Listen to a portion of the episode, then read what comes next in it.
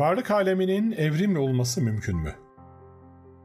Hayalen geçmiş zamana doğru uzanalım. Gitgide ta dünyanın la halinden yeni yeni uzaklaşmaya başladığı, soğumaya yüz tuttuğu devreye varalım. İçi kızgın ateş, dışı ise yavaş yavaş sakinleşmekte olan bu arz küresinin başında durup, bugün şahit olduğumuz eşyanın, varlıkların isimlerini birer birer sayalım. Sözlükteki bütün isimleri burada sıralayacak değilim. Sadece mevzuya ışık tutmaya yetecek birkaç kelimeyi hatırlatacağım. El, ayak, kanat, göz, ince bağırsak, pankreas, pençe, gaga, tırnak, dal, kök, yaprak, çam, söğüt, elma. Bu kelimelerle evrim safsatasına bir neşter atalım. Sonra bunlara yeni yeni kelimeler ekleyerek bıçağı aşağı doğru çekelim.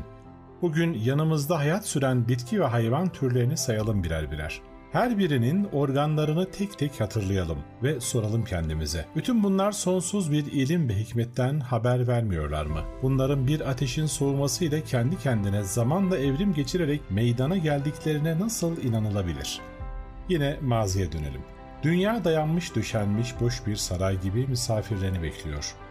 O an kainatta olmayıp bugün iç alemlerimizi kuşatmış olan manevi duyguları bir bir hayalimizden geçirelim.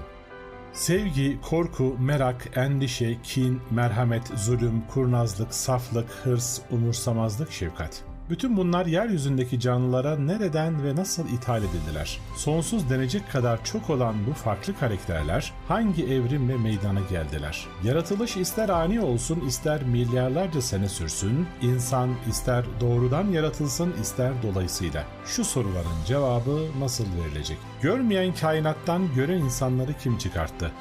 Bilmeyen şu alemden bilen meyveleri kim süzdü? Hissetmeyen, sevmeyen, korkmayan şu saraya bütün bu hissiyatla donatılmış misafirleri kim getirdi? Görmemek nasıl evrim geçirdi de görmek oldu? İşitmemek işitmeye, anlamamak anlamaya nasıl dönüştü? Can nedir bilmeyen bu kainat ağacı hayat sahibi bu meyveleri nereden elde etti? Akıllara durgunluk veren bu hadiseleri cahil unsurların uzun süre beklemesiyle izah etmek mümkün mü? Şimdi bir perde daha gerilere gidelim kainatın şu hazır hale getirilmek üzere ilk hareket noktasına hayalen uzanalım. O noktadan evvel hiçbir mahluk mevcut değil. Şu sayacağım kelimeleri hayalimizden sıra sıra geçirelim. Su, taş, hava, yıldız, ay, gezegen, güneş, demir, azot, krom, nikel, dağ, ova, arz, sema, samanyolu, çekim kuvveti, radyoaktif dalgalar, elektrik ve daha niceleri.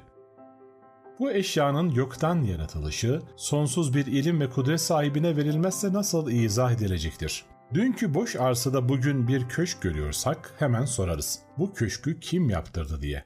Değil aklımızdan, hayalimizden dahi geçmez ki arsa evrim geçirdi de köşk oldu diyelim. O halde yokluk üzerine yaratılıp inşa edilen bu kainat için bu safsata nasıl ileri sürülebilir? Yokluk evrim geçirdi de varlık haline mi geldi? Bütün bunlar bir yana şu sorunun cevabını arayalım.